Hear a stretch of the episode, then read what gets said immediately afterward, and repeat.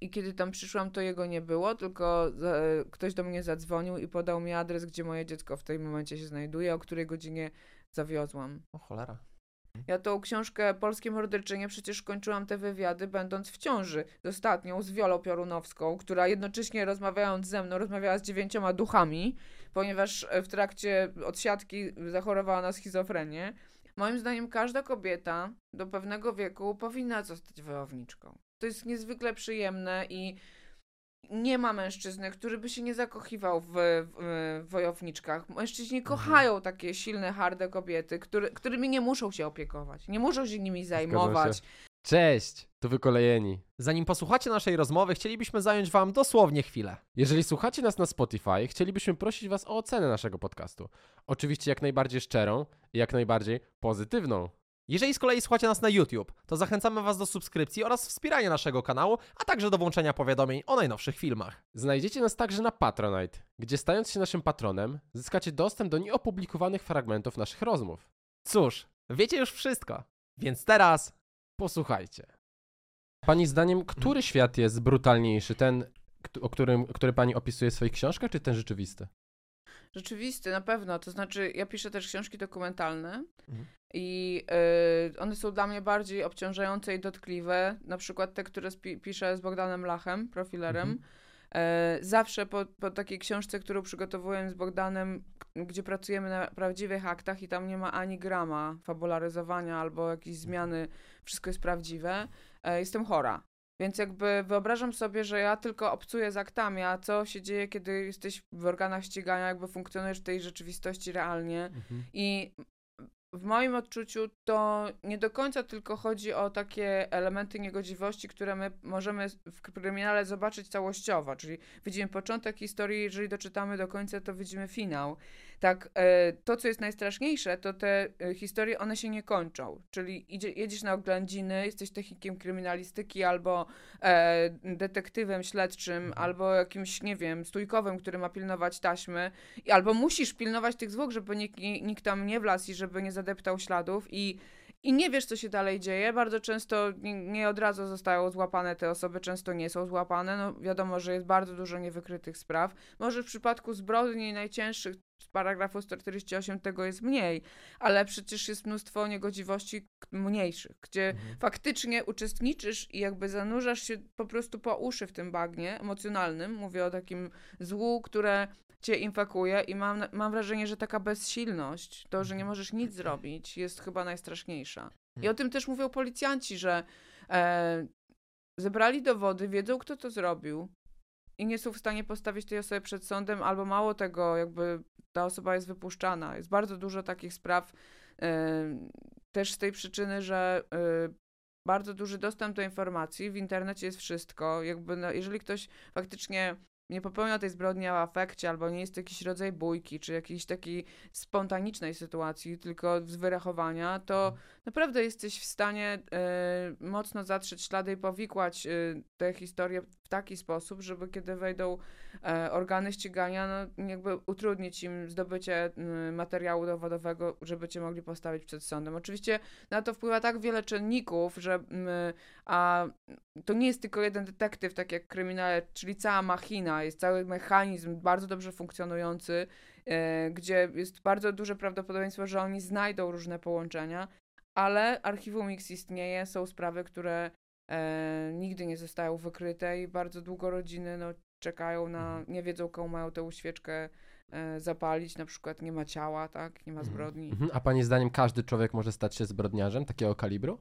Tylko to jest wszystko kwestia okoliczności? Znaczy, jeżeli ktoś ma historię e, niepozałatwianych e, spraw i mają taką chwiejną sytuację emocjonalną, jest większe prawdopodobieństwo. Jeżeli pochodzisz z rodziny albo ze środowiska, gdzie jakiś tam trzon moralny miałeś mocniejszy i do tego masz e, dobrą sytuację finansową i dobrą sytuację intelektualną, bo jakby bardzo pomaga wykształcenie i na przykład e, sytuacja y, stabilności y, życiowej. Natomiast nawet wtedy, kiedy masz te trzy czynniki doskonałe, e, kiedy tak, jak to mówią profilerzy, trafisz na swoją ofiarę, czyli nastąpi konflikt z tą osobą, y, zderzenie celów, i jakby ta sytuacja krytyczna wymknie się spod kontroli, wtedy każdy z nas ma milisekundy, 3 milisekundy podobno, e, kiedy możesz podjąć decyzję.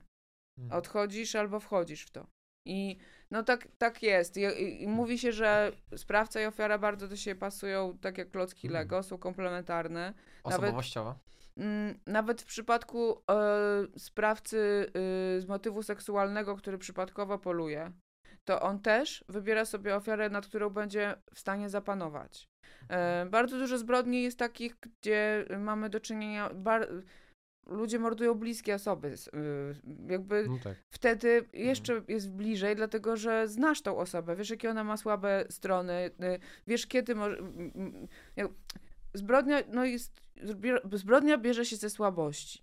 To nie, nie mhm. bierze się z siły, ale bierze się ze słabości w momencie, kiedy ty masz takie poczucie, że nie możesz przyforsować swojej woli i chcesz to wziąć siłą.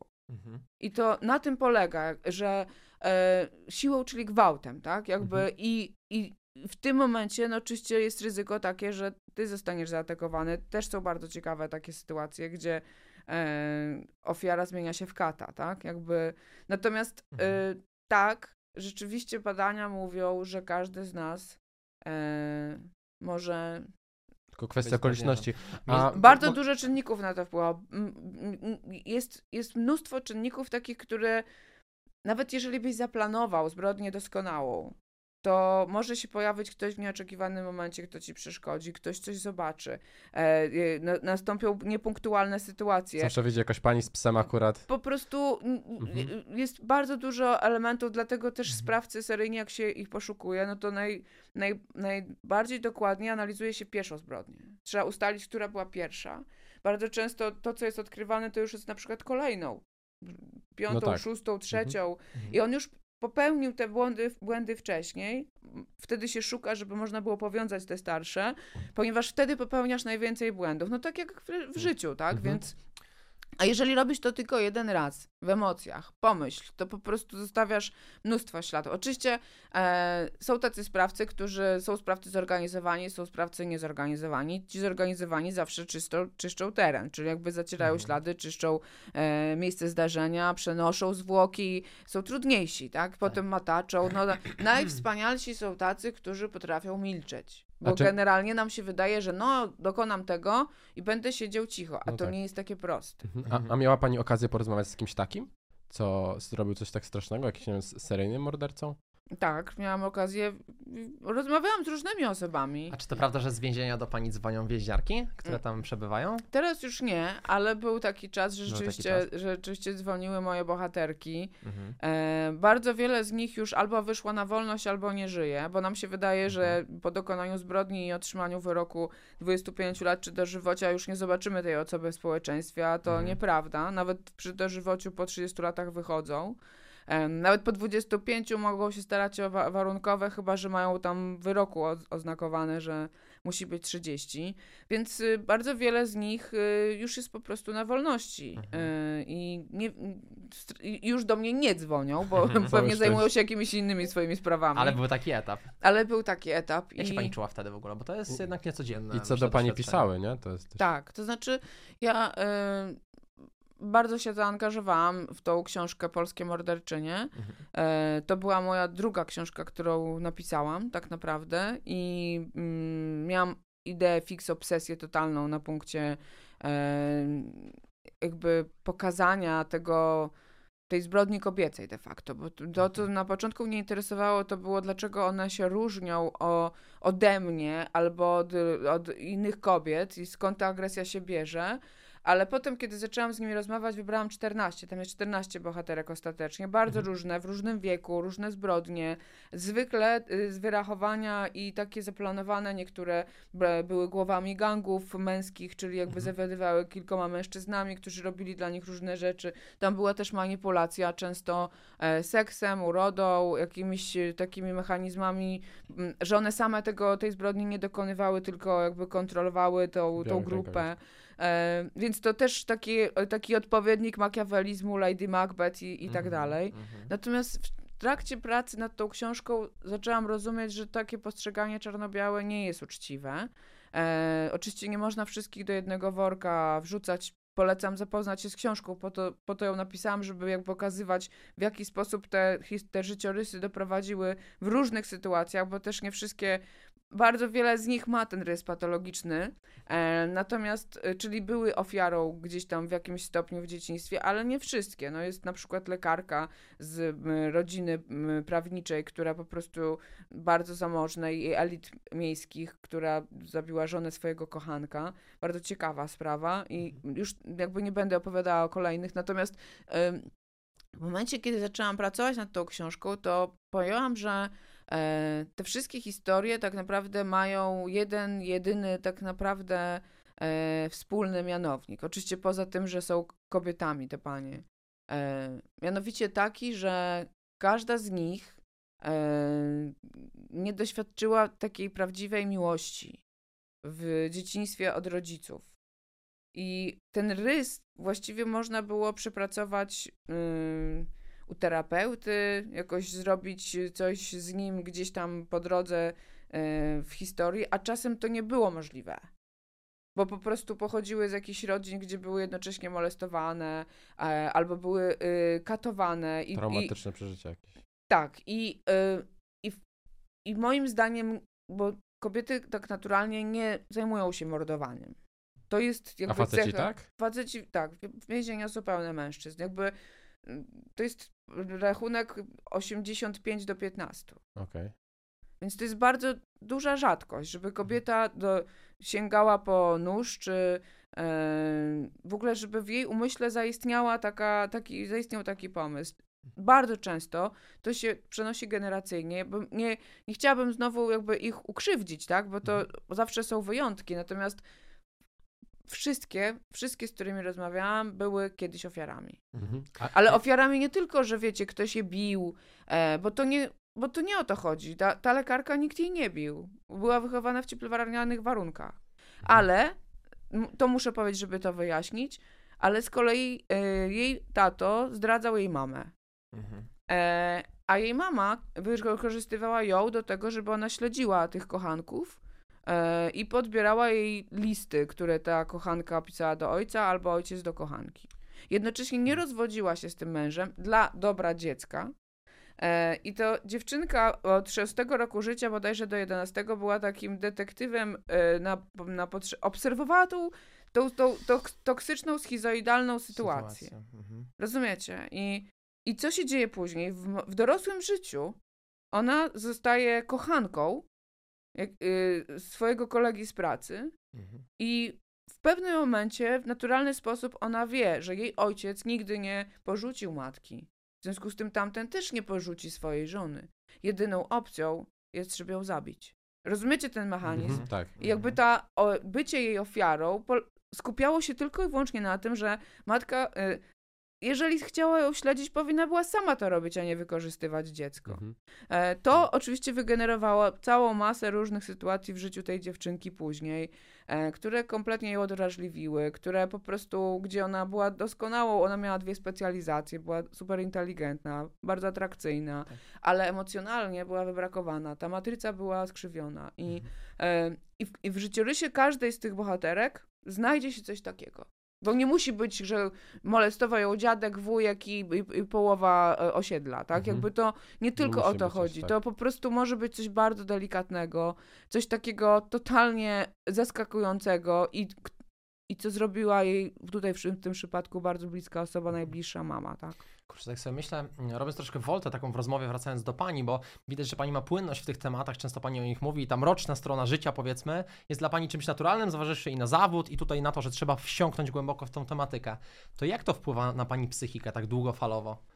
Pisanie o tych rzeczach, mówienie o tych rzeczach, doświadczanie trudnych mimo wszystko tematów, nawet jeżeli mentalnie, tak, pisząc o tym, to jednak one gdzieś tam na nas wpływają. Jak to wygląda? Jak dbać o psychikę podczas pisania kryminałów? No trzeba mieć balans życiowy. Znaczy za, bardzo dbam o to, żeby mieć y, mm, kochać i być kochaną. Jakby Mhm. dbać bardzo o to, żeby w dom, o, ognisko domowe było ciepłe. Mam Mhm. przyjaciół.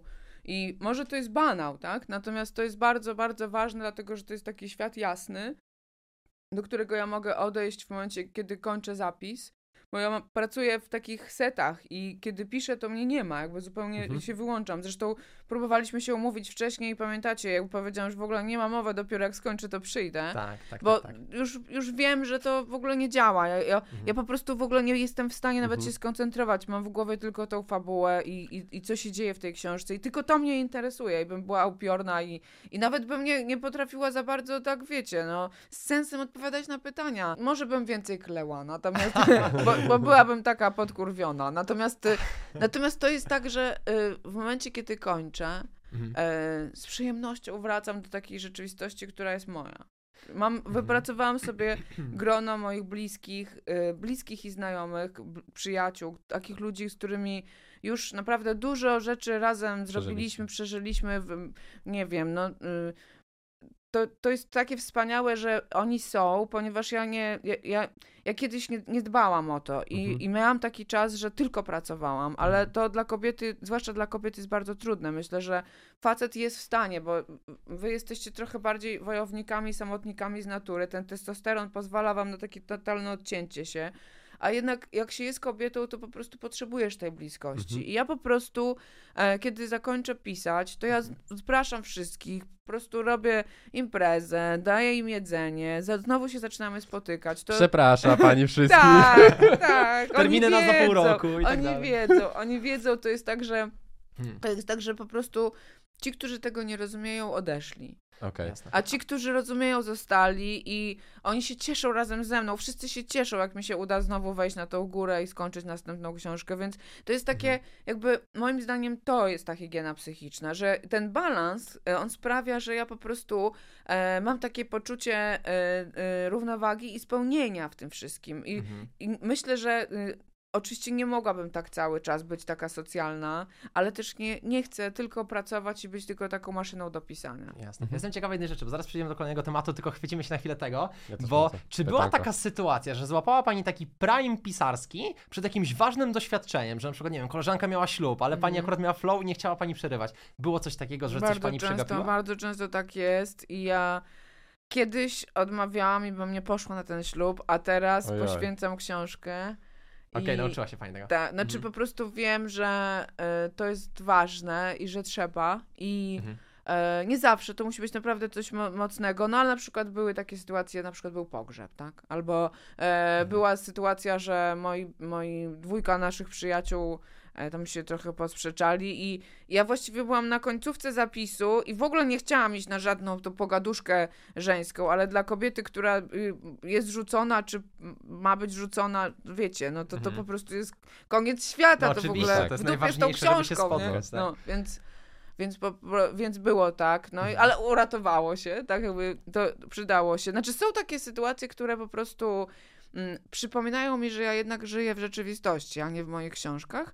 Em, natomiast tak naprawdę to e, ten moment, kiedy są takie dwa tylko momenty y, wspaniałe w zapisie książki, kiedy wymyślę, o czym będzie ta nowa i już wiem, że to jest zajebiste. Mhm. I ten końcowy, kiedy w końcu tak To jest udało mi się, napisałam teraz, zawsze piszę datę, więc, y, kiedy skończyłam, więc po prostu ta Mhm. data, jak już jest napisane, to już wiadomo, że e, no, że, że jest zamknięte. Oczywiście to się przepisuje, ja to poprawiam potem wiele Mhm, razy, ale ta data dotyczy tego zamknięcia, e, kiedy ja po prostu przeszłam te wszystkie etapy razem z moimi bohaterami, zamknęłam zagadkę i jest. Bo też jest tak, że y, jak już oddaję do wydawcy, to ileś tam razy ją przeczytam Mhm. i potem przy tym, przy tym, nie wiem, siódmym czytaniu, to już zaczynam ją pogarszasz. Rozumiecie? Okej, bo to Okej, już jest taki czyli- skrajny Tak, perfekcjonizm. Tak, nie, już po prostu Już za albo za dużo dopisuję, Mhm. albo, albo wy, wykasowuję jakieś ważne rzeczy, albo wpadnę na pomysł, że no nie, no to ta zagadka jest za słaba, to trzeba To to, nowa. tu poprawić, tak? I to jest masakra. Po Mhm. prostu wiem już, że trzeba odpuścić, właśnie trzeba zrobić imprezę, trzeba wyjść w miasto i zapomnieć o tej książce i, i to też jest cudowny moment, Mhm. że ja muszę zdystansować się do tej opowieści, Mhm. A ona potem do mnie wraca tak po trzech miesiącach, po pół roku. Mhm. E, pani Irma, moja redaktorka, do mnie dzwoni i ja jestem cała w strachu. I w ogóle nikt mi nie wierzy, że ja się takiej boję, ale ona jest taka... Ma autorytet, ma autorytet. tak. Więc ja zawsze I mam jest dla niej- żyrardowa. No, właśnie, prawie, teraz to prawie. Nabrało nowego sensu. Ja zawsze jej tiramisu albo sernik, żeby ją trochę Żeby przekupić. Ona, pani Kasiu, ale tutaj niestety te daty nam się tu nie zgadzają, a tutaj... Przecinek. Żeby A tutaj, utuczyć. albo na przykład e, Mhm. w, w tej książce pomyliłam tak daty, że pani Irma mówi Pani Kasiu, ale ta nocna furia to chyba jest jak słoń już chyba półtora roku w tej ciąży. no i wiecie, ja w ogóle jak, co, jak to mam z tego wyjść, co, jak, jak to zrobić, żeby to naprawić, tak? No. No właśnie się zastanawiałem, e, w momencie, w którym pisze pani o tylu makabrycznych rzeczach, nie tylko w tej książce, ale i w wielu innych, ma pani takie poczucie, że bardziej boi się o bliskich, jakoś tak, jakoś tak jeszcze bardziej, jakoś tak bardziej, na, jest pani nadgorliwa. Jeszcze bardziej. Tak. Znaczy to tylko się boję bardziej, kiedy piszę... Słu- Słucha pani tych historii, tych No wszystkich właśnie ludzi, to, co to, się co może wydarzyć. To, to, to, Świadomość życia, nie? Jak jest fabuła taka jak do dna, albo włos, albo ze złości, albo kobieta w walizce, one brzmią może masakrycznie, ale tak naprawdę ja się doskonale bawię. Taka Mhm, jest okej. prawda. I im więcej trupów, tym lepiej. Na przykład, nie wiem, przychodzi Łukasz z pracy i pyta mnie, co ja dzisiaj robiłam. Mówię, a dzisiaj zabiłam komendantkę. I w ogóle jestem taka zadowolona. Albo, o nie, ona niestety musiała zginąć, albo on musi zginąć. Jakby Mhm. to są, to są takie różne sytuacje, które mnie e, bawią nie tyle, że chodzi o śmierć, tylko po prostu fabuła się sama układa. I ja jakby nie mam zupełnie na to wpływu. Mm, I to jest cudowne, bo ja tylko podążam za nimi i staram się ułożyć tak intrygę, żeby czytelnik mógł ją rozwiązać. Natomiast zupełnie czymś innym jest motyw ukryty, albo zbrodnia niedoskonała, albo właśnie wspomniane morderczynie, czyli te książki dokumentalne i to totalnie mi siada na głowę. Okej, I to po to prostu to, totalnie, to jest tak, że jak czytam te wyimki z A, które, y, które muszę przeczytać, żeby napisać tą książkę, bo mm, to są książki, mm, które piszemy z Bogdanem i to brzmi jak taki rodzaj zagadki, jakby Sherlock Holmes rozwiązywał zagadkę e, dzięki e, psychologii śledczej, dzięki śladom behawioralnym. Więc ja muszę to w, pod tym kątem przeczytać i to przepisać, to co już wiemy, na zagadkę. Co jest bardzo trudne, dlatego że muszę uruchomić wszystkie moje szare komórki, których za wiele nie ma, ale je- jeszcze muszą pracować dalej. I, i to totalnie mi e, jakby wchodzi w takie przestrzeń obrazów. Takich fleszy. E, i, I faktycznie były takie sytuacje, że ja, bo ja zawsze chodzę o różnych porach z psem, No skończę właśnie. scenę, to idę. Em, I wtedy, y, jak piszemy tą książkę, to na przykład staram się nie wychodzić w środku nocy. I, Okej. to, I to już wystarczy. Albo na przykład przychodzę i kładę się spać i idę jeszcze raz sprawdzić, czy, e, czy drzwi są zamknięte. No. Dla świętego spokoju. Ale czekaj, mogę pociągnąć to pytanie, bo nie chcę, żeby tak grubiańsko zabrzmiało, ale spróbujmy. Pani się czasami boi siebie? Jakby Nie. treści swoich myśli? O nie, nie, nie. Wręcz przeciwnie. Ja czasem się boję, dlaczego ja tak zawikłam, że teraz jak ja z tego wyjdę, to tylko się na siebie złoszczę. Ale... to- Cześć, mówi Kacper Kuszewski. Zapraszam Was do ocenienia podcastu Wykolejeni. Mm, Jak zabijają kobiety, a jak zabijają mężczyźni? Mm, no to cały podcast musimy o tym zrobić. To jesteśmy umówieni. Nie ma problemu. Znaczy kobiety e, przede wszystkim najważniejsze są emocje i nawet jeżeli ona zabija z motywu rabunkowego, ekonomicznego, jak potem prokurator to zakwalifikuje, Aha. to nadal zawsze pod spodem są emocje. E, No i oczywiście kobieta, to nie jest prawda, że one tylko tam trują albo starają się e, taką miękką śmierć zadać. Są bardzo, bardzo mocno e, agresywne, bo już jak przekroczy tą granicę, to ona często nie czuje. Są niesamowite sprawy takie, że kobieta miała 1,50 m, ważyła 47 kg i zadała, nie wiem, bardzo dużo ciosów y, nożem głębokich, ran, e, nie wiem, była bardzo bestialska, skakała po, po, po, po, po tej ofierze i tak dalej. I to też robią te emocje. Jakby Mhm. kobieta w furii je, zamienia się w bogini Kali, tak? Bogi, I to jest coś takiego. Natomiast to moim zdaniem nie jest wyznacznik. Wyznacznikiem jest to, co się dzieje po zbrodni. Mhm. Kobiety po zbrodni chcą się wybielić, zawsze. Ona chce być znowu Madonną, dlatego kłamią, dlatego tak bardzo źle są odbierane kobiety em, społecznie, e, ponieważ one nie kłamią dlatego, że są takie makiawaliczne, jak się określa, Mhm.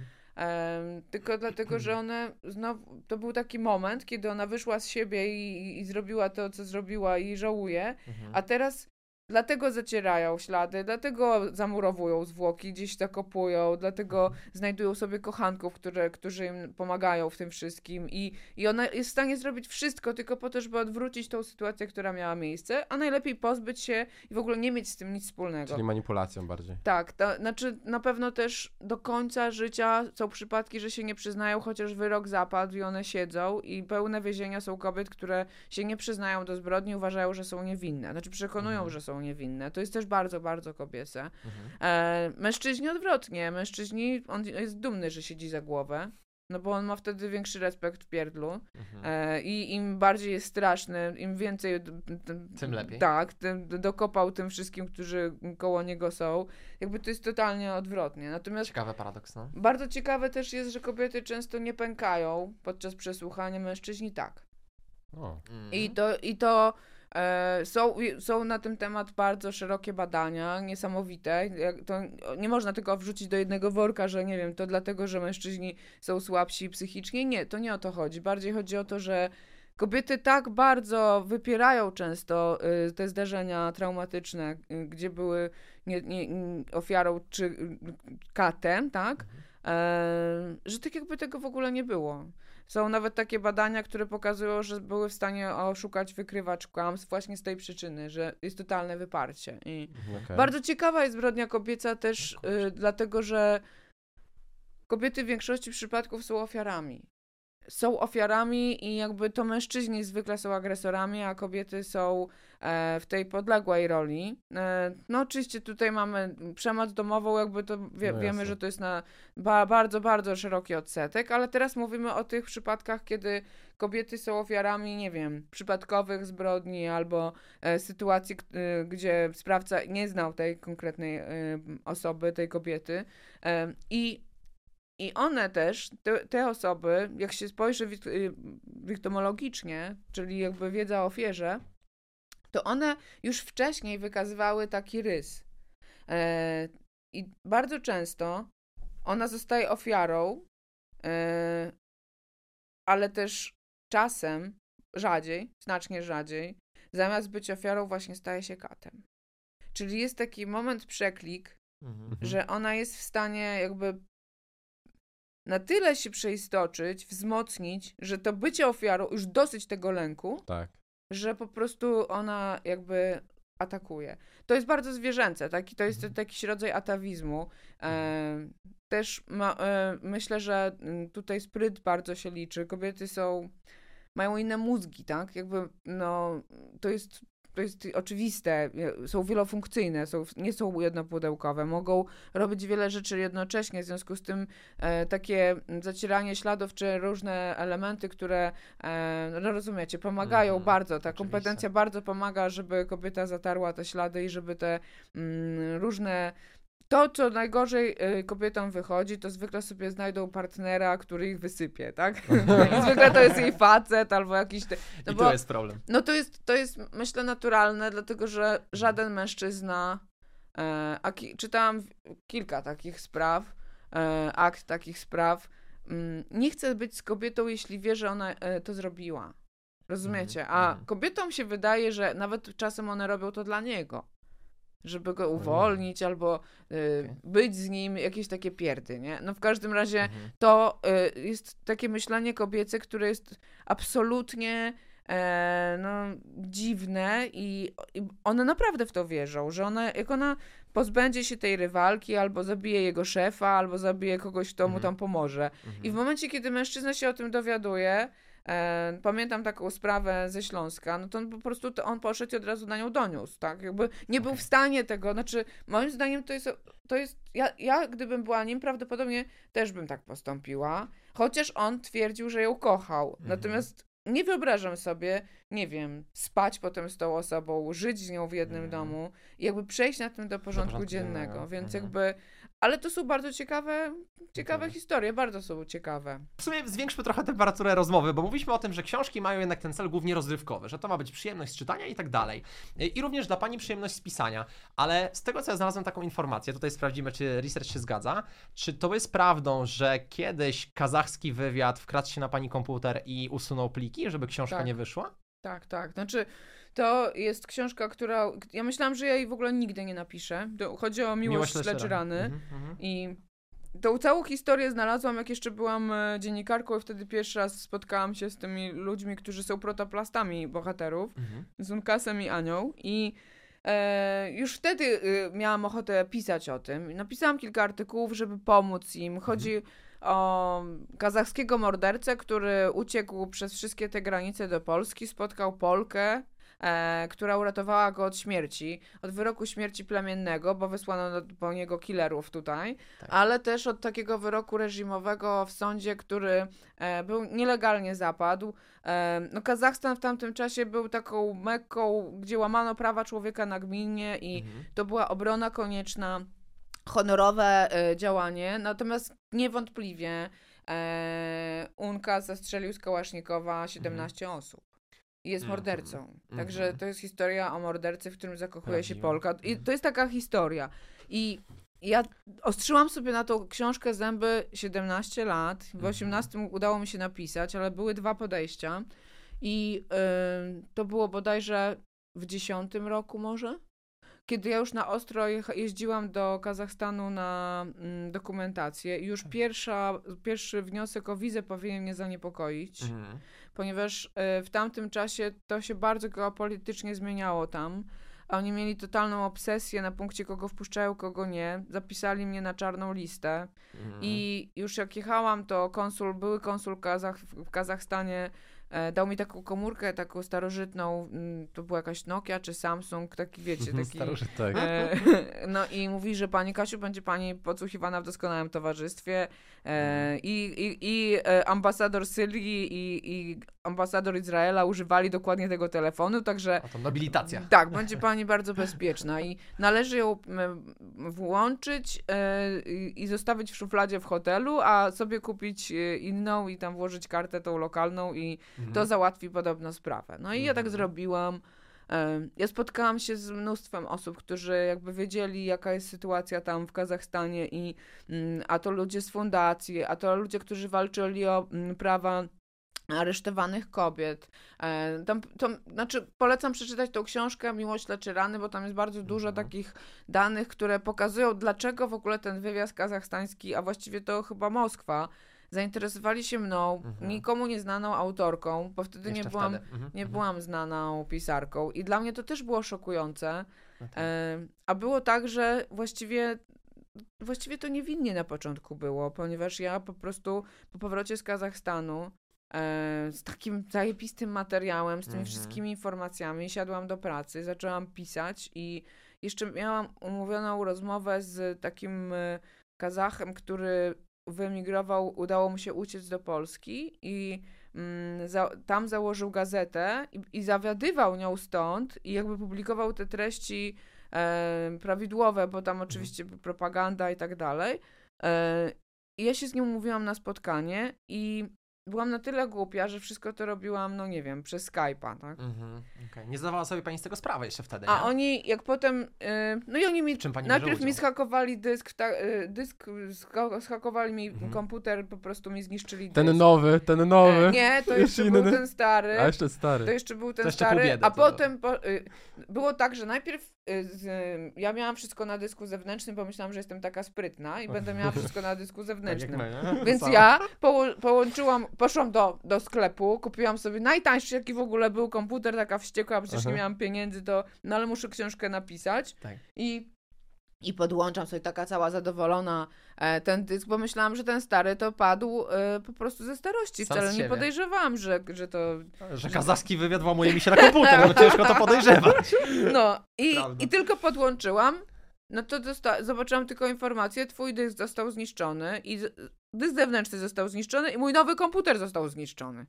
Więc najpierw poszłam do sklepu i zrobiłam tam aferę, no a ten pan mi mówi, że no nie, no tutaj mm, to nie jest fabryczna wada, to musi pani mm, jakby i tu zaczęło mi coś tam bimbać w głowie. Mhm. Lampka się zapaliła. Tak, lampka się zapaliła i wtedy e, pojechałam do tych ludzi z fundacji, którzy bronią praw człowieka, y, y, uchodźców z Kazachstanu i tak dalej. I oni, po, I oni zachowali się w bardzo dziwny sposób. Powiedzieli, że Kasia, e, w, te, w tej sytuacji, teraz, za chwilę, my do ciebie przyjeżdżamy, wy, wy, wynieśli telefony wszystkie do samochodu. No w ogóle zachowywali się jak wiecie, z Jamesa Bonda, takiego starego, nie?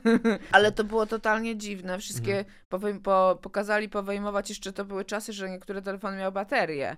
E, nie, nie było, nie było y, smartfony były chyba dopiero w początkowej fazie. Mhm. Więc niektórzy mieli takie z bateriami, trzeba było te baterie porozłączać. Przy, I przyjechali z trzema komputerami i zaczęli mi opowiadać, że to jest normalna technika i że to są działania prewencyjne i że czy ja nie wyrzuciłam tych wszystkich sprzętów, y, nie wyrzuciłam, ale miałam wyrzucić, przecież do niczego to się nie nadaje strucel. No tak. Natomiast y, i oni to zabrali do badań i stąd wiem na 100%, że kto, kto się próbował włamać, ale to nie było wszystko. Mhm. Się dopiero zaczęło. Oni powiedzieli, że kiedy oni robili do, do Brukseli raport na, na temat y, sytuacji w Kazachstanie w tamtym czasie, to im zhakowano 11 komputerów. Jeden za drugim, jeden za drugim. Hmm. I jakby to nie. y, ha, y, oni zabierają tylko, tylko zawartość. Żeby ją zabrać, żeby nie pozostawiać śladów, muszą zniszczyć sprzęt. Okej. I to są tylko działania prewencyjne.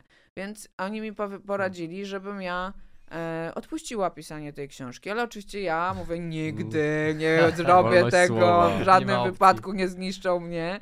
To już Mm. polityka wchodziła w grę, nie? Znaczy nie zdawałam sobie z tego sprawy. Byłam na tyle Mhm. głupia, jeszcze była młoda i głupia, że w ogóle nie, nie, nie Mhm. czaiłam tego. Jasne, no nic dziwnego. No i, i potem dopiero przestraszyłam się. Potem były różne listy, były różne telefony, były różne sytuacje takie, które. Ale ja już wiedziałam, że to oni. E, i, I nawet dyskutowałam z jakimś człowiekiem, pamiętam, że y, wrzeszczałam do telefonu, że nie złamiecie mnie. To był jakiś absurd po prostu. Natomiast y, takim elementem przełomowym, kiedy podjęłam decyzję wtedy, że nie będę pisała tej książki, było kiedy właśnie szłam na spotkanie Mhm. e, z tym dziennikarzem, który, który z- zaginął, zniknął. W Mhm. pewnym momencie jakby e, po prostu, bo to też była ich metoda, uprowadzali ludzi i oni znikali. Mhm. I nikt ich nigdy nie znajdował i on też zniknął. A ja wtedy byłam z nim umówiona na spotkanie, bardzo się cieszyłam, bo wiedziałam, że ma niesamowite informacje. E, I kiedy tam przyszłam, to jego nie było, tylko ktoś do mnie zadzwonił i podał mi adres, gdzie moje dziecko w tym momencie się znajduje, o której godzinie zawiozłam. O cholera. I to dopiero mi uświadomiło, to mną wstrząsnęło. Mhm. Pamiętam, że byłam totalnie wstrząśnięta, płakałam i yy, pła- ja jechałam płacząc, yy, bałam się, dojechałam do babci, i czy wszystko w porządku. I jak przytuliłam moją córkę, to przyrzekłam sobie, bo po drodze po prostu przyrzekłam, że jeżeli będzie zdrowa, jeżeli wszystko będzie dobrze, jeżeli nikt, nikt nic jej nie zrobił, jeżeli jej nie zabrali, to odpuszczam to. A Mhm. kiedykolwiek tego człowieka jeszcze pani y, spotkała, zobaczyła? Tego dziennikarza? Mhm. Nie. Nie. Nie wie pani, co się z nim stało. Nie, zgi- zginął, zaginął. Oh. Znaczy to, to jest właśnie o tym książka, tak naprawdę, jakby Mhm. cała, e, cała zbrodnia Unkasa, czyli e, głównego bohatera i wszystkie związane z tym elementy jakby są połączone. Jakby to jest, e, to jest, jestem bardzo dumna z tej książki. Jest to jedna z ważniejszych moich książek poza okularnikiem i k- przyłożyłam bardzo dużo, nie wiem, swojego serca, energii, pracy, e, żeby ona powstała.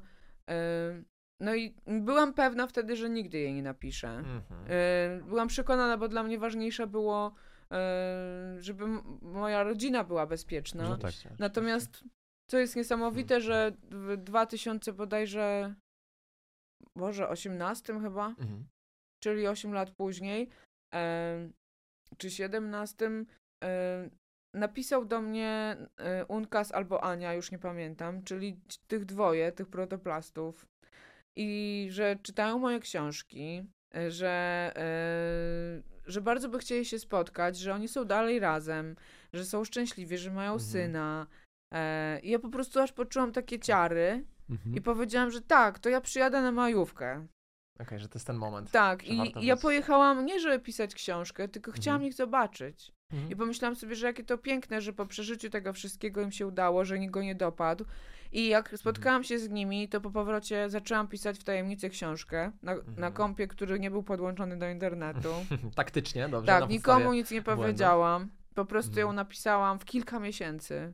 Szybko. To relatywnie szybko, nie? Tak, i po prostu yy, i potem wydawcy powiedziałam, że mam taką książkę i uznałam, że bardzo się zmieniło. Yy, zmieniłam Mhm. dużo bardzo okoliczności, wymieniłam imiona. Tamta książka miała być zupełnie inna. Yy, I tutaj jest Hmm. mo, mo, moment najważniejszy, to jest oczywiście ten moment melo, czyli jakby ta miłość, Mhm. nie, już nie ten problem geopolityczny. No i elementy takie no, szamańskie, bo on jest oprócz tego, że jest mordercą, to jest też szamanem. E, naprawdę. W sensie to ten, bo, faktach, ten mhm. główny bohater naprawdę. Także polecam, a jak ktoś się interesuje, polecam wizytę w Ząbkowicach Śląskich i poszukanie Łunkasa i Ani. Mhm. Wszyscy tam wiedzą. E, nie, naprawdę ma niesamowite zdolności i to jest... y, No i ta książka jest totalnie magiczna i niesamowita i jestem dumna, że mogłam ją napisać. A wracając właśnie do naszego e, pol, już, pol, już polskiego podwórka, czy są takie tematy w Polsce, gdzie, że, tak powiem, Polacy nie tolerują ich, lepiej o tym nie pisać? E, są tematy, gdzie po prostu Polacy, mm, to Polsce nie przejdzie po prostu.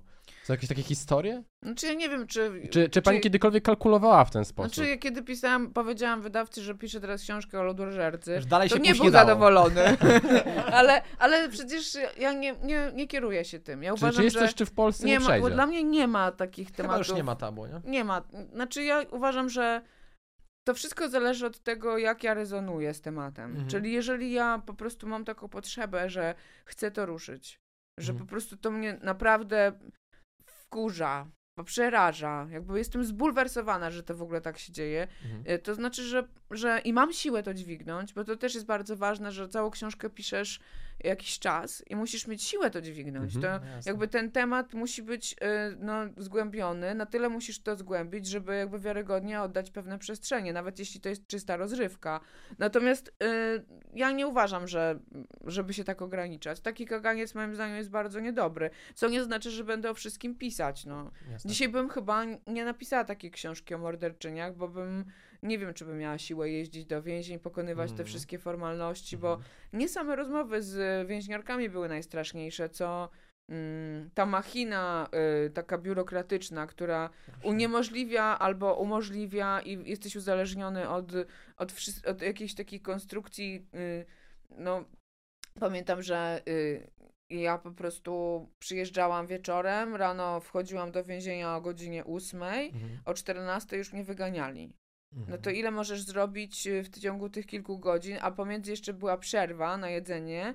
E, te, one też miały swoje restrykcje, albo na przykład jak była niegrzeczna, albo coś tam przeskrobała, no to w ogóle mnie jej nie przyprowadzali, ja na pusto jechałam, więc Mhm. ja e, jak to wspominam, to myślę sobie, że naprawdę chciałam to napisać. Mhm. Ja tą książkę Polskie Morderczynie przecież kończyłam te wywiady będąc w ciąży z ostatnią, z Wiolą Piorunowską, która jednocześnie rozmawiając ze mną rozmawiała z dziewięcioma duchami, ponieważ e, w trakcie odsiadki zachorowała na schizofrenię i rozmawiała jedno, i to, Moi. no tak, totalnie, muszę wam przysłać tą książkę, jest totalna. Mhm. E, I jakby no. to, jakby to, ten zapis jest stricte z dyktafonu spisany, ten początek. Mhm. I O której pani mówi w książce? Polskie Morderczyny. Okej. I ja miałam taki wielki brzuch, bo już byłam w dziewiątym miesiącu. W ogóle się nie mieściłam jakby na tym krześle.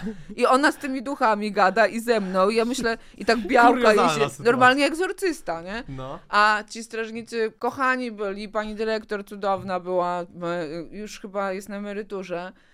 I oni po prostu się tak przyzwyczaili, że żeby mi zrobić dobrze, to mnie zostawiali na przykład... y, y, Pani Kasiu, to pani sobie gada z Wiolą, to ja skoczę do Auchan, tam kupię pomidory, nie? No to ja mówię, nie dobrze, dzieje. dobrze, nawet lepiej jak Wszyscy razem porozmawiacie sobie. no i on poszedł, a ta, a ta wiecie, w ten amok wpadła. Tak. Myślę, no kurwa, to teraz już cała moja rodzina będzie. Bo oni wszyscy się bali, że dlaczego ja w ogóle jeździć do tych więzień. No tak. Po prostu No. jestem kompletnie jakaś nie tego, wiecie. Mhm. Powinnam te, te różowe beciki zawijać, wiecie, ka- w Tak. kaczuszki albo tam jakieś coś tam, a ja po, po, po, więzieniach do morderczyń jeżdżę. No, jakby między innymi też dlatego do, doszło między innymi do tak zwanego rozwodu, tak? No Mhm. bo przecież kto normalny się tak zachowuje? W No, takiej więc sytuacji, nie? Wózek trzeba wybierać, tam mamy wózek, nie? No, w każdym, Czekam, dlatego mówię, że nie nasz, tylko dla pani, ewentualnie na przyszłość. w każdym razie, Mhm. w każdym razie to, y, to pokazuje ewidentnie, jak czasem kręci cię ten temat. Tak. Oczywiście nic mi się nie stało. Bardzo byłam zadowolona i szczęśliwa, jak napisałam tą książkę i potem Mhm. już miałam, zawijałam te beciki i po prostu czy, prałam te wszystkie śpioszki, tak? No ze skrajności w skrajność, powiem szczerze, to zupełnie Ale- świat. ale to pokazuje, że w gruncie rzeczy nie ma żadnego tabu, tak? Mhm. Jeżeli jesteś w stanie dźwignąć ten temat, to znaczy, że w tobie jest taka nie tylko motywacja, ale moce do tego, żeby tak pokazać czytelnikowi tą opowieść, żeby on Mhm. również poczuł to, jakby poczuł tą grozę, tak? I jakby o to walczymy. No właśnie, czy pani książki mają być też trochę takim moralitetem? Bo się zastanawiam, bo mówimy o tym, że, że mają być rozrywką, to wiemy, ale po tej akcji z Kazachstanem i tak dalej, do pani nie doszło, że kurczę, ma pani moc no, troszkę kreowania światopoglądów innych ludzi, mimo wszystko, w formie lekkiej, w formie przyjemnej, ale jednak takie głębsze dno. Znaczy, zależy, która książka, bo Mhm. czasem się bawię, czasem to jest poważniejsze. Wszystko zależy od tematu, który biorę na warsztat i od tego y, też zależy Mhm. forma. Czyli na przykład do cna jest takie krótkie, okularnik prawie tysiąc stron. E, to, to ja dobieram to jakby. y, Ja, ja tak naprawdę zajmuję się tylko takim wycinkiem. Tak, tylko i wyłącznie Mhm. to mnie interesuje. Je, teraz pracuję nad morderczyniami, albo teraz pracuję nad historią o jakimś tam e, mordercy z Kazachstanu. To, No tak. Tylko to mnie interesuje. Jakby do tego dopieram i całą konstrukcję, kompozycję i wszystko. I, e, i czasem rzeczywiście i zdarza się, ludzie mówią mi, e, to jest bardzo miłe, że Mhm. ta książka zmieniła moje życie. Tak? Mhm. I to, to, to, jest, to jest po prostu chyba największy komplement, jaki może istnieć. E, albo na przykład tą książkę e, czytałem, kiedy byłem w szpitalu, bo nie wiem, byłem unieruchomiony, nie mogłem się stamtąd wydostać, bo byłem e, w takim stanie i jakby tylko i Mhm. wyłącznie książki miałem do dyspozycji i czytając tą książkę jakby e, nie, wpadłem na jakiś tam pomysł, który jak wyszedłem, to zacząłem realizować i to dzięki pani. Jakby Mhm. to są tak niesamowite rzeczy, takie buduje, cudowne. nie? Tak, to jest po prostu. Więc ja byłabym daleko od tego moralitetu, ale Okej. faktycznie są takie książki, które są czymś więcej aniżeli tylko rozrywką. Mhm. Mhm. Natomiast y, to nie ode mnie zależy, bo ja w ogóle uważam, że tak naprawdę to nie ja je piszę, że one po prostu to Z brzucha. no te informacje są gdzieś, tak? I ja Mhm. jakby po To prostu musiało się wydarzyć po prostu. tak, że Mhm. ja tylko i wyłącznie jestem takim pośrednikiem. To Mhm. jest fajne podejście. A właśnie, Zaraz o tym a, pogadamy jeszcze. a ja się zastanawiam, czy funkcjonuje coś takiego jak trend powieściach kryminalnych? Oczywiście. Jakie są dzisiaj trendy? Ja nie wiem, jakie są, ale y, rzeczywistość odzwierciedla się w powieści kryminalnej. Aha, czyli teraz jakaś na przykład wojenna, tak? Nie, to zasadzie. znaczy, to jest tak, że mm, to jest coś szerszego, czyli jak na przykład są takie kraje, gdzie panuje wojna i na przykład, nie, no Meksyk, tak? Aha. Bardzo skorumpowany kraj, do tej pory tak jest. Y, jakby, no... Tam jest dzieci z- Meksyk, no. No jest Meksyk, dzieci z kałachami chodzą w niektórych No. miejscach, tak jakby są takie sytuacje, które yy, i tam najlepiej sprzedają się komedie kryminalne. Okej. Rozumiecie? Czyli Mhm. jakby, jeżeli mamy w Mhm. rzeczywistości, tak samo było, nie wiem, czy wy nie pamiętacie w tego, ale tak sposób. samo było w Rosji. E, kiedy e, był, był taki trend, że były rosyjskie e, kryminały, które pisały takie Daria Dancowa, e, Mhm. takie, mm, one były takie humorystyczne, odpowiednik Joanny Chmielewskiej. Czyli prześmiać rzeczywistość trochę, w Tak, której tak. I chodzi o to, że jakby w kryminale wyświetla się ta rzeczywistość. Ona No. jest tym zwierciadłem, w którym my się przeglądamy. Okej. I jeżeli masz, e, żyjesz w rzeczywistości, która jest straszliwa, oczywiście też się sprzedają w Meksyku e, true crime, to- czyli oni chcą dokładnie wiedzieć, jak jest naprawdę. Media są skorumpowane, więc to idzie do książek. I Mhm. my to też w Polsce nie, nie obserwujemy. Nie chciałabym, żeby to było tak zrozumiane, ale, ale w jakimś stopniu ten trend tutaj jest wyświetla się. Mhm. Czyli reportażyści polscy przechodzą do, e, do, do medium, jakim jest książka, mogą się tam wyżyć, mogą tam pokazać jak najwięcej, e, nie tylko informacji, ale pokazać swoje oko, jakby swój pogląd na, na ten temat. I, tak, I ten kryminał, e, taki już fabularny, on też przechodził bardzo wiele transformacji. Dzisiaj mamy do czynienia w gruncie rzeczy z myślę, że jest najfajniejszą formą dla, do pisania dla autora, czyli już nie pisze się takich wielkich kobeł skandynawskich, gdzie trzeba było opowiadać, jaki Mhm. tam, kto tam jakie ma problemy, gdzie to się Tak. dzieje, bardzo dokładna lokacja. Był taki moment, tak, jakby fascynowaliśmy się tym, E, I, mm, I przez to też podróżowaliśmy na przykład po kraju, albo nie wiem, no ja nigdy nie, nie byłam w Szwecji, nie byłam w Sztokholmie, ale nie, nie byłam w tych małych miejscowościach, a na pewno w, na Islandii nie byłam, ale bardzo chciałam być, Mm, więc pięknie. czytam sobie Indira Dasona, tak? Mhm, I on o tym dokładnie pisze. A, a, a, wracając, to dzisiaj moim zdaniem w kryminale to, co jest najważniejsze, to jest, żeby wciągało Mhm. Okej. że wciąga. Jeżeli wciąga, to jest ok, jeżeli nie wciąga. Czyli my chcemy być uwiedzeni. Mhm.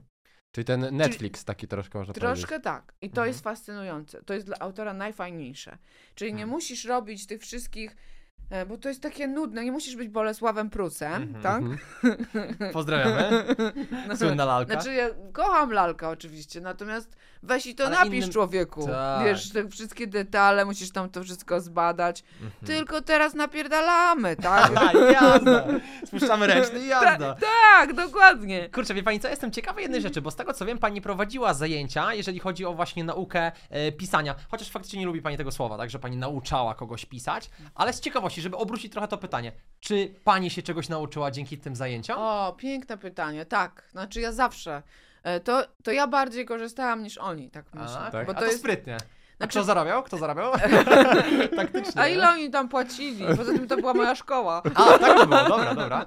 Znaczy- Czyli jednak czuła pani, że wyciągała pani z tego wartość. Znaczy, y, może zacznę od tego, że bardzo wielu y, kryminalistów, którzy dzisiaj na topkach są z, y, moją konkurencją, to są moi uczniowie. I jestem z nich totalnie dumna. A nazwiskami mogę pani powiedzieć, no, czy nie za na, bardzo? na przykład Robert y, Małecki. Mhm. E, pie, pierwszy z brzegu, który jest po prostu, po prostu no, Bartek Szczygielski, Dagmara Andryka, mnóstwo, mnóstwo. Okej. Nie, będę, nie będę tutaj wszystkich Dobra. wymieniać, bo naprawdę jest ich bardzo dużo i oni mi teraz zagrażają, tak? Jakby jesteśmy na równi dwa- na, No, w tym ciekawe. Bogu. Fajnie, na ciągniecie się ringu. do góry wszyscy. Tak, znaczy to jest cudowne, Mhm. dlatego że moim zdaniem to dowodzi, że to działa Mhm. że to działa i mam nadzieję, że chociaż troszkę im pomogłam.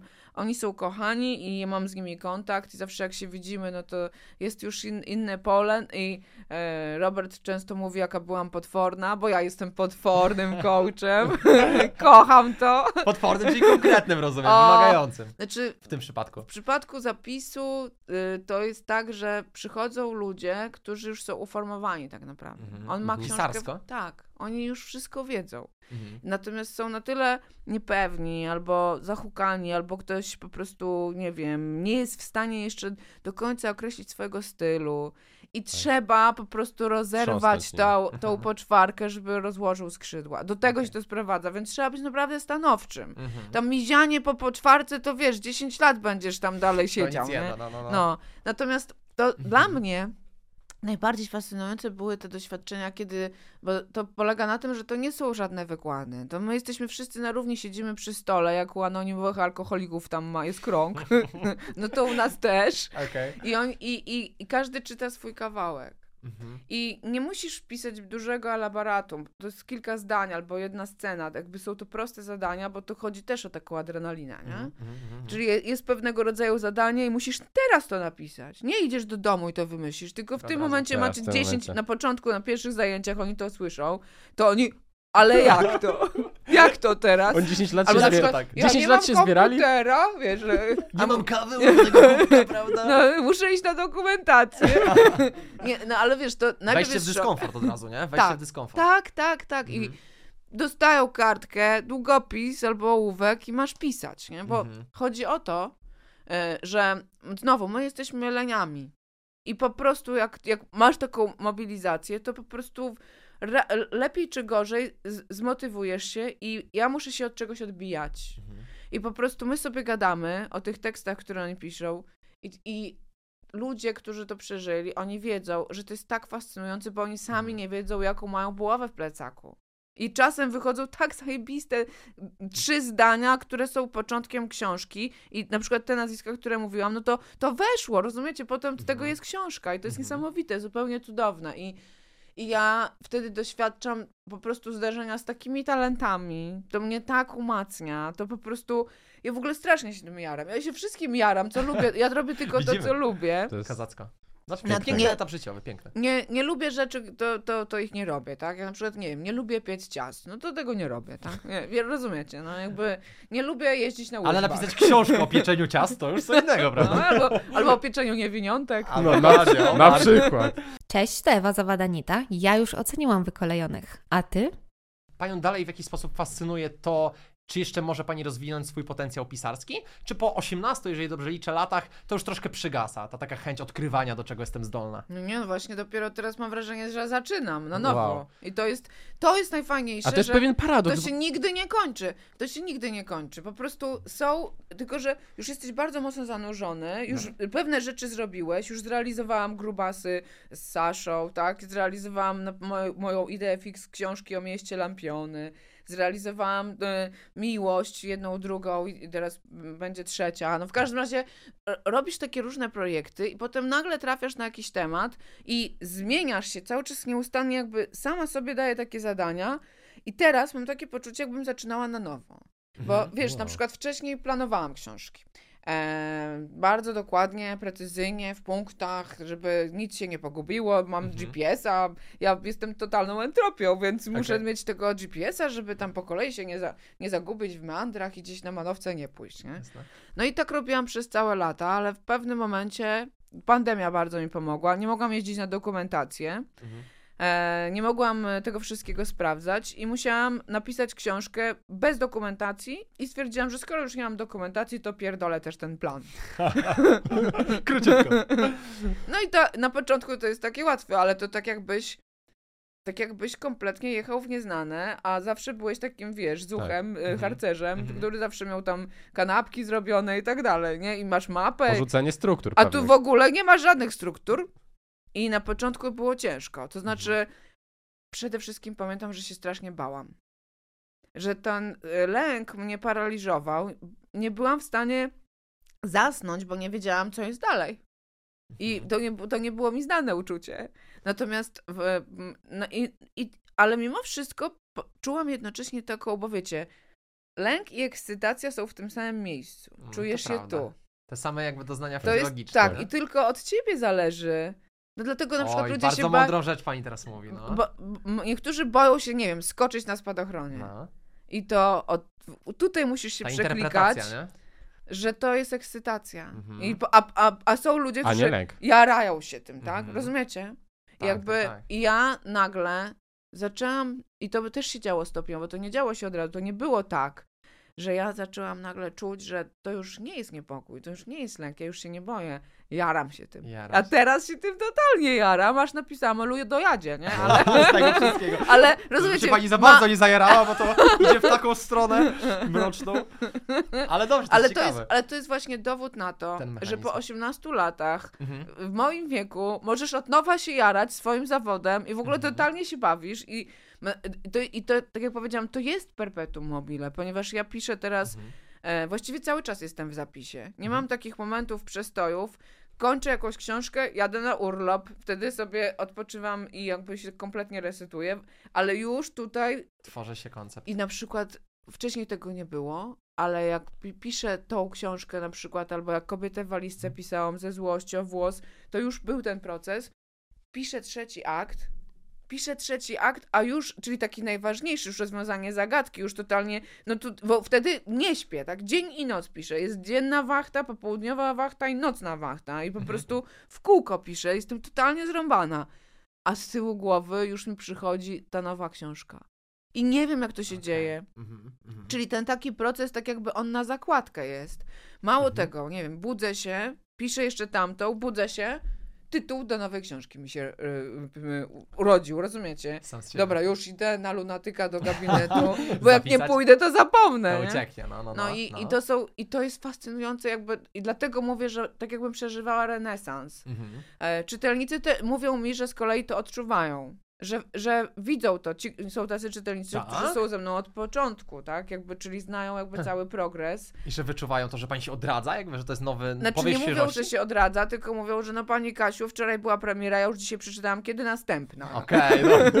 To jest tak naturalne, ja niczego nie planuję w gruncie Mhm, rzeczy, tak mhm. rozumowo, tylko to Jasne. wynika samo z siebie. Tak jak, mm, tak jak tutaj pokazywałem, czasem właśnie na przykład pandemia, nie, nie, moż- niemożność robienia dokumentacji, czyli dyskomfort Mhm. e, i taka sytuacja kryzysowa, że byłam najpierw załamana, mówię, no to ja, jak ja będę teraz pisać? Nie wiadomo, ile oni nas będą tak trzymać w tych domach, No a tak. przecież muszę pisać, no bo jak ja, w ogóle moje życie jest bez sensu bez pisania. Mhm. I nagle to się okazuje, że to był ten moment kluczowy, który był początkiem całkowitej zmiany. Mhm. E, I moim zdaniem to jest dowód na to, że tak trzeba postrzegać rzeczywistość, że czasem Mhm. trudności właśnie po to są nam dane, żeby je przekuć na Coś e, dobrego. Sprawdziane. lekcje. Kurczę, mi się też podoba, nie wiem, czy pani ma dalej tego uroborosa na suficie u siebie w mieszkaniu, ale jak to Mam. zobaczyłem w jednym materiale, to, to byłem w szoku, nie? Bo to jest piękny symbol tego odrodzenia, o czym tu mówimy, nie? Pani chyba wierzy mocno w te symbole, co? No, akurat tego Uroborosa to wyrzeźbił dla mnie Filip Kalkowski, który jest totalnie magiczną postacią, wspaniały rzeźbiarz i, i malarz i, i, Mhm. i, i, przyjaciel nasz. Tak. E, nie, no zapłaciłam mu, żeby było jasne. no to, byłem ciekawy, do czego zmierzamy tutaj w tym wszystkim, nie? ale kiedy, Mhm. kiedy o tym rozmawialiśmy, kiedy ym, ch- chciałam mieć taki symbol, to właśnie, Mhm. Właśnie on powiedział, że może właśnie wąż zjadający swój Własny własny ogon. tak? Mhm. Jakby i to... em, Mhm. i to zostało. I to też jest czasem tak, że ja. y, no właśnie tak a propos tego pisarza, który ma być taki mądry i tak jak mówiłam na początku. Okej. A teraz mi się wydaje, jak już jestem Że wcale nie musi być. że właśnie wręcz przeciwnie, że im bardziej jestem głupia i, lepiej. i takim jak dziecko, taka ciekawa wszystkiego i w ogóle wszystko mnie Mhm. tak dziwi i zachwyca, to tym lepiej jest, Tak. bo, mm, bo gdybym była taka mądra, to bym osiadła w tym wszystkim i bym Mhm. z góry na to wszystko patrzyła, a, a, a mnie różne rzeczy dziwią i właśnie zachwycają, albo to, to po prostu jest jak szokujące, jak to jest możliwe. Nigdy o czymś takim nie słyszałam i Mhm. jakby ta ciekawość dziecka, ona, ona, ona robi y, autora, Robotę. moim Mhm. zdaniem. A tak odchodząc trochę od tego, bo się zastanawiam, czy Mhm. potencjalni mordercy, nigdy się pani nad tym nie zastanawiała, czy potencjalni mordercy mogli inspirować się do swoich zbrodni e, Pani książkami. Pani książkami, Tak? O to chciałem zapytać naprawdę? tak. O cholera. Znaczy były takie przypadki, y, To strzelamy. słyszałam o... Czy dotarło do pani na przykład? Nie, nie, ale o, o, o, o zbrodniach na podstawie moich książek to nie, nie słyszałam. Ale były przypadki, kiedy mordercy rzeczywiście podawali jakieś y, dzieła, które były niby inspiracją, ale to jest oczywiście fake. Mhm. E, No bo to jest przecież y, potem już w procesie oni się tak ratują, żeby trochę odrzucić odpowiedzialności Tylko na, na autora na zrzucić, tego żeby tam... autora, bo on tutaj wymyśla takie rzeczy, ja tylko realizowałem, tak? Mhm. E, no, Hmm. A może wejdźmy w taką dyskusję? Myślę, że byłaby bardzo trudno to zrobić. Ja, ja polecam może najpierw niech adaptację zrobią. Aha, w końcu, właśnie. Kurczę, a podywagujemy o jednej rzeczy. Gdyby na przykład pani książki stały się lektorami szkolnymi. Wszyscy na edukację narzekają, a ty A to chcesz, jest ciekawe pytanie, bo ja pamiętam, że w szkole czytałem Agatę Christie yy, i nie było już nikogo. A tak, bardzo dobra książka. I to była le- lektura, słuchajcie, szkolna, nie? Mhm. To jak pani myśli o pani książkach jako właśnie kanon lektur szkolnych? Co by to Nie, spowodowało? no mam takie książki, które mogły być lekturami. Która na przykład? Okularnik. Mhm. O Jezu, te biedne dzieci tyle, książ- tyle stron by nie przeczytały. Cholera. Lalkę miała, mały, tak? Chyba Audiobooki są. Albo Ewentualnie. jakieś by zrobili takie bryki, takie streszczenia. A nie? nikt nigdy pani nie proponował jakoś, w, y, nie myślała pani o tym, że to jest możliwe? Nie, jakoś nie myślałam. Jakoś ten, ten temat nie spędza mi snu z powiek. Okej. Nie, nie, nie, nie mam takich ambicji w ogóle. Znaczy nie, nie pomyślałam o tym.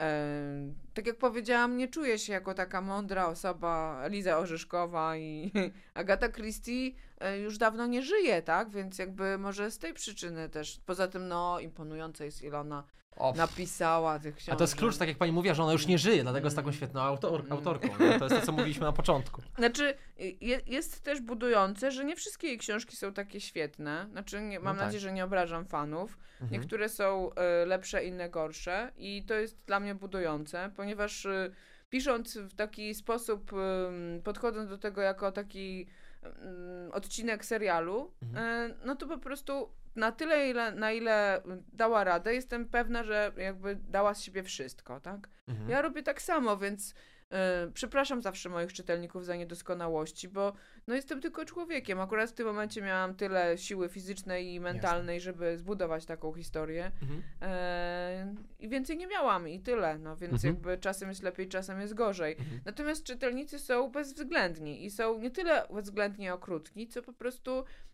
nie da się ich oszukać. Wypominają nieścisłości na przykład? Oni znajdują wszystko i wiedzą wszystko i wiedzą, kiedy jest, A. e, kiedy autor Ha. hałturzy, a kiedy naprawdę przycisnął. I, Okej. i moim zdaniem to jest piękne. Kiedyś e, w ogóle na świecie by, było, było takie stanowisko e, recenzent czy krytyk literacki. Właśnie, czy to który- funkcjonuje jeszcze w ogóle? to w ogóle nie ma żadnego znaczenia. Nie ma takich nazwisk, które by dzisiaj mogły wynieść bądź zniszczyć e, autora, a kiedyś tak było. I dzisiaj moim zdaniem jest taka totalna demokracja, dlatego że czytelnicy też używają tych wszystkich różnych platform do takiej szeptanej, e, przekazywanej sobie informacji, na przykład mm, to, to jest gniot, a to jest super, albo a to wciąga, a to nie. I Mhm. Mm, Moim zdaniem to y, naprawdę są piękne czasy, dlatego że bardzo możliwe, że ja bym się tego nie dowiedziała w normalnym trybie, ale przez Mhm. to, że jest internet, to a ja mam monitoring, to wszystko dociera. to wszystko dociera i to jest dla mnie też bardzo. Właściwie to jest bezcenna wiedza. Mhm. To jest bezcenna wiedza, dlatego że mm, ludzie zwykle starają się być mili i nie mówią y, A tych nieprawdomówni. Mhm. no po prostu nie chcą sprawić przykrości, e, Mhm. zwłaszcza ci, którzy przychodzą na spotkania autorskie, to naprawdę są ludzie, którzy czytają moje książki z przyjemnością, a y, dla mnie bardzo ważne jest też wiedzieć, y, co robię nie tak, bo Mhm. to jest zapis, który podlega y, przemianom i ja mam bardzo duży wpływ na to, mogę bardzo wiele rzeczy zmienić. Eksperymentuję za każdym razem. To jest Mhm. bardzo ważne. E, nigdy nie piszę na zamówienie, czyli to nie jest tak, że ja mogę napisać coś, co, co, czego oni chcą, bo, bo tak zamówili. To, to Mhm. nie przejdzie u mnie, dlatego że ja muszę czuć połączenie z tą opowieścią. Mhm. Natomiast e, takie elementy, które ich drażnią albo które nie są e, akceptowalne, e, to chcia, chcę wiedzieć. Chcę Okej. wiedzieć, żeby, bo może będę mogła jakby zrobić mm, korektę tego systemu, w Oczywiście. którym funkcjonuje. Oczywiście. A była jakaś taka krytyka na początku, którą, e, która została przez panią jakoś tak wyjątkowo personalnie odebrana? Że poczuła się pani dotknięta na przykład na początku, jeszcze nie miała pani tego doświadczenia Och, pisarskiego. Jak, jakby na początku to wszystko mnie dotykało i umierałam 10 razy dziennie. Mhm, Wszystko mhm. mnie dotykało, włącznie z, że za dużo stron albo że za dużo postaci. Każda drobna. Ale to każdy to ma. To, Mhm. Nam zarzucały na przykład, że, że tak samo kiwamy głowami i tak, Tak, trzymamy. i synchronizujemy podbródki I to jednocześnie, jest- tak samo no, no tak, ale to mam nadzieję, że się tym nie przejmujecie. Chcieliśmy zamykać podcast właściwie po tej rozmowie, więc będziemy kończyć. Słuchajcie, trzymajcie się tyle od nas.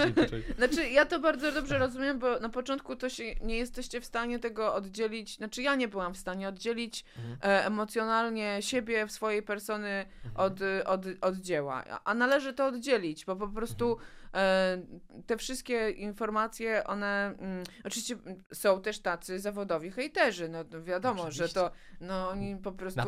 Budują się tym, żeby ci dojebać, nie? Jakby, No tak. no tak, Im ale bardziej to, ekwilibrystycznie, tym lepiej. tak, i są, natomiast Aha. e, jest w tym zawsze ziarnko prawdy. Mhm. I e, natom, natomiast ja nie biorę tych prezentów, dlatego że ja po prostu uważam, że to do mnie należy decyzja, czy e, ja biorę ten prezent, czy nie. Mhm. Jeżeli go zostawisz i o tym są całe zajęcia, jak, jak robię warsztaty y, dla ludzi, którzy chcą pisać, bo to jest bardzo ważne, dlatego że taka krytyka bardzo wielu autorów zniszczyła. Oni przestali Mhm. pisać albo, pytam. tak, albo tak, nie tak. chcieli y, kontynuować jak- rozpoczętego projektu, albo na przykład y, mieli jakby problem blog, bądź odwrotnie, dostosowywali się do tych porad i zatracali siebie, co jest moim zdaniem jeszcze Mhm. większą zbrodnią, więc Mhm.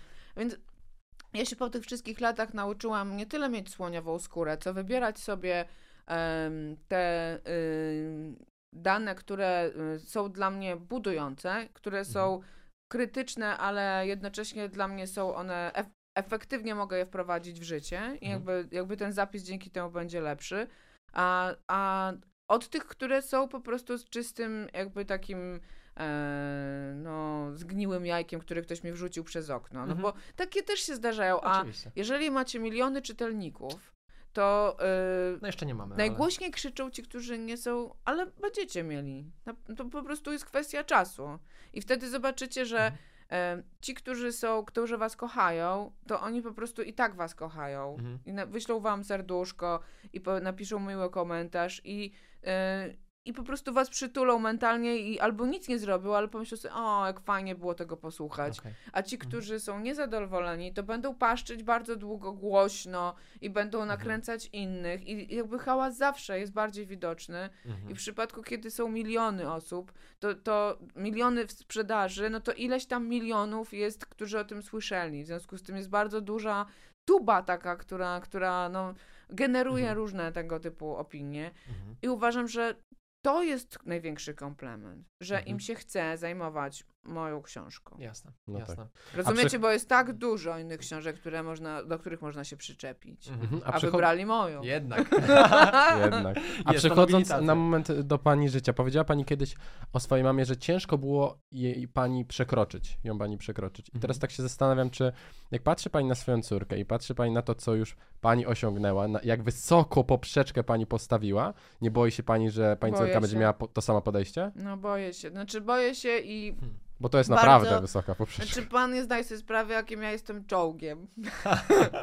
No. Ciężko to sobie wyobrazić. Ciężko to sobie wyobrazić. To jest tak, że ja jestem bardzo osobą y, dążo- jasno dążącą do celu. Na pewno Mhm. mam jakiś rys psychopatyczny, nigdy się nie badałam, ale to musi być po prostu, Mhm. bo tylko takie osoby osiągają cele w ten sposób i ja jak sobie po prostu wkręcę, że muszę te akta przeczytać, to ja zrobię wszystko i je przeczytam i, i no i to jest, y, to się przekłada na bardzo wiele różnych aspektów w takim życiu domowym, czyli ja y, no jestem trudna i y, kocham bardzo moją córkę. Ona też mnie kocha. Mamy bardzo dobre porozumienie. Przez to, że byłam przez lata samotną matką, to mamy Mhm. bardzo bliski kontakt. Mhm. Taki naprawdę jesteśmy mocno synchronizowane, jesteśmy wobec siebie Jasne. szczere.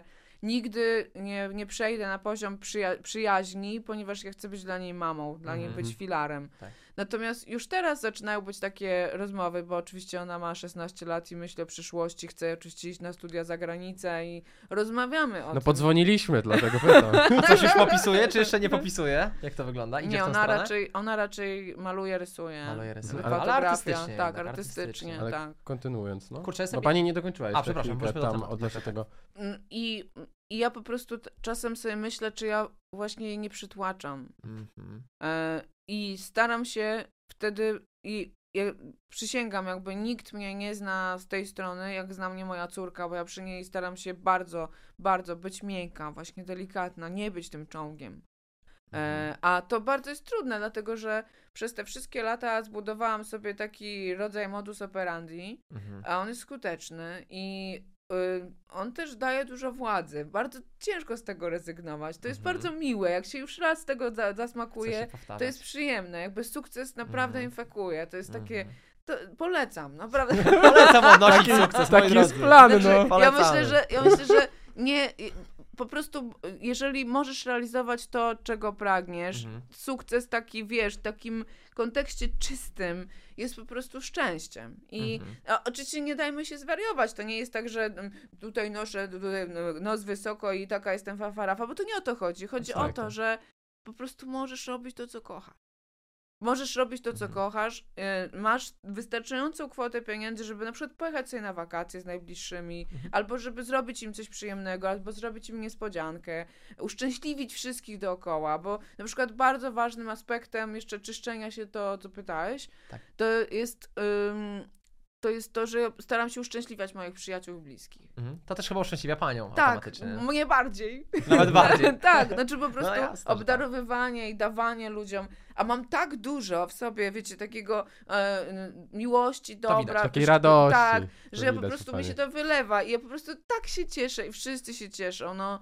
To są takie naprawdę małe niby czasem rzeczy, Ale znaczące. e, ale, Mhm. ale mocno, mocno integrują wszyscy, wszyscy, moim zdaniem to tak samo tak jak zło jest infekujące, tak samo Mhm. dobro jest infekujące. Tak samo. Że ale- uśmiech, właśnie taka radość, po prostu czujesz tą energię pozytywną i jest ci lepiej i pójdziesz dalej też z tą energią i Tak.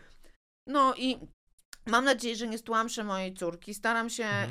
e, e, jakoś mm, zachować taki zdrowy rozsądek w tym wszystkim.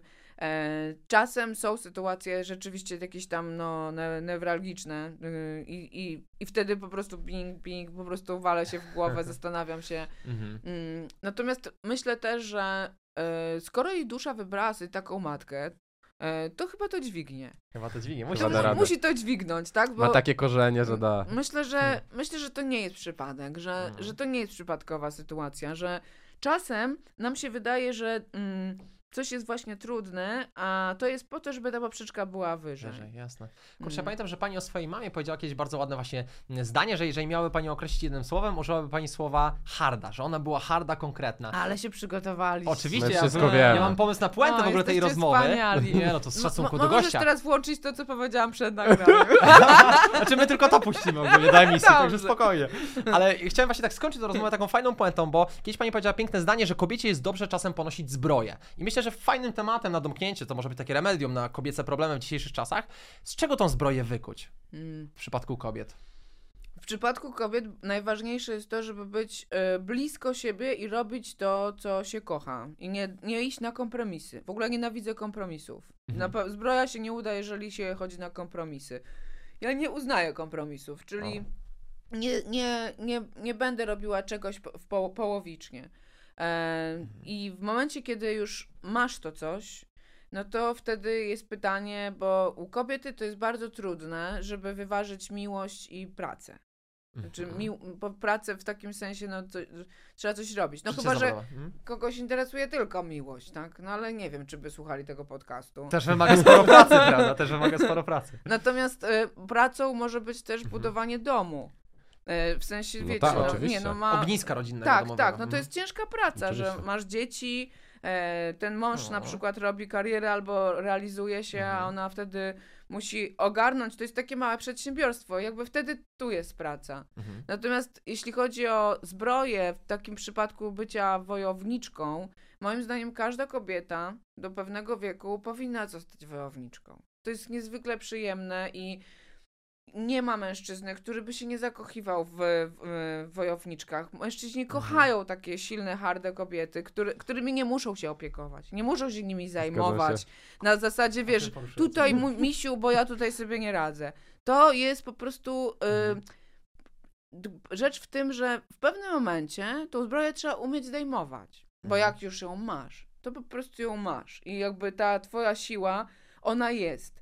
Ale przy ukochanym trzeba mieć taki przycisk i wtedy ta zbroja się odpina, czy zamek błyskawiczny, czy jakieś inne Rzep. urządzenie, rzep, tak.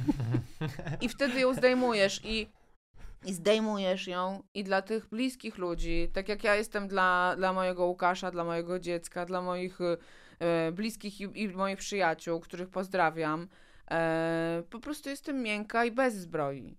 I, a kiedy idę na wojnę, czyli po prostu muszę, nie wiem, zdobyć jakiś dokument albo iść i e, porozmawiać z jakimś facetem, który kogoś zabił, tak? Albo, To czerwona szminka i...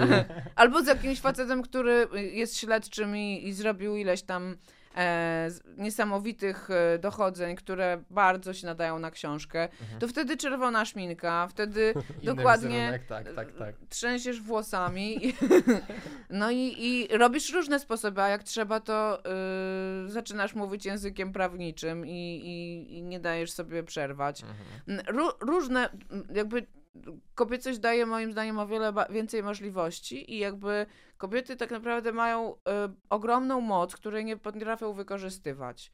Em, często jakby zostają takimi wojowniczkami, wytracając tą swoją żeńskość, taką mówię o, o tym w kontekście miękkości, Mhm. właśnie uległości, delikatności, tego, żeby pozwolić mężczyźnie, żeby on kontrolował sytuację. Mhm.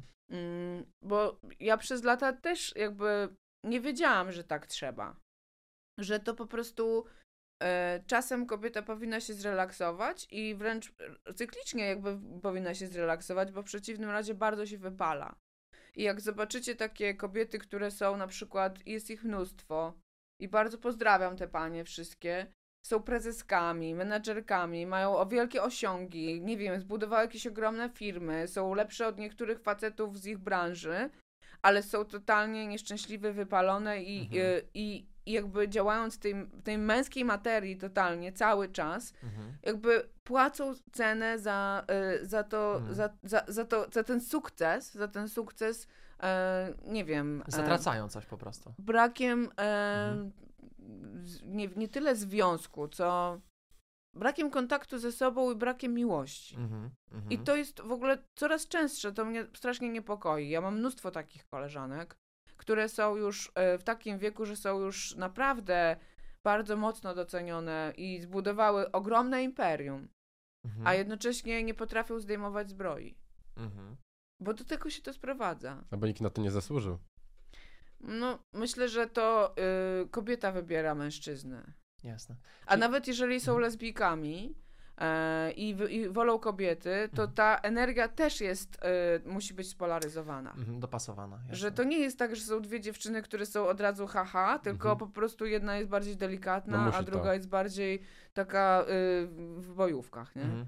E, Natomiast wiecie, no to, to w ogóle nie ma, nie ma e, tutaj moim zdaniem jakby cielesność znaczenia, bo Mhm. dzisiaj w dzisiejszych czasach to w ogóle już jest jakby wszystko bardziej, bardziej skomplikowane niż za czasów mojej mamy, która była harda. Nie jest tak? Mhm. no. Natomiast, natomiast ja, y, będąc w tym wieku, e, uważam, że nigdy nie jest za późno, żeby znaleźć ten zamek błyskawiczny, ściągnąć zbroję, ale nie chodzi też o to, żeby go ją ściągnąć tak całkiem, ojejku, jaka jestem wolna, teraz misiu, weź mną się zaopiekuj, tak? Mhm. No bo nie ma takiego misia, bo misio po prostu kocha tą królową, która zbudowała to imperium czadowe, tak? Tak. I kiedy ona idzie walczyć, to on po prostu To z miłością jest- na nią patrzy, jaką ona ma flagę i dzidę, nie? Tak. Natomiast kiedy przychodzi do domu, no to po prostu wtedy zdejmuje i mówi, Zbroję dobra, zdejmuje. mogę odpocząć, nie? Czyli mieć tą zbroję, ale wiedzieć, kiedy ją zakładać, kiedy ją zdejmować. Tak myślę. Piękna klamra, myślę, Piękna puenta. I to, i ten wątek, i chyba całą rozmowę. Także dziękujemy bardzo Ja serdecznie. dziękuję. Dziękujemy bardzo. Jesteście wspaniali. Naszym gościem była pani Katarzyna Wonda. Dziękujemy. Dziękujemy.